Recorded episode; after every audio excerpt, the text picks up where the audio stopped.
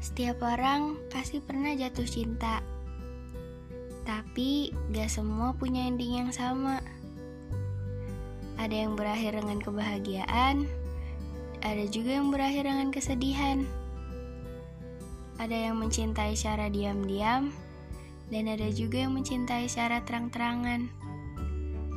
Bagiku, jatuh cinta merupakan proses mendewasakan diri banyak hal yang bisa kita ambil untuk dijadikan pelajaran.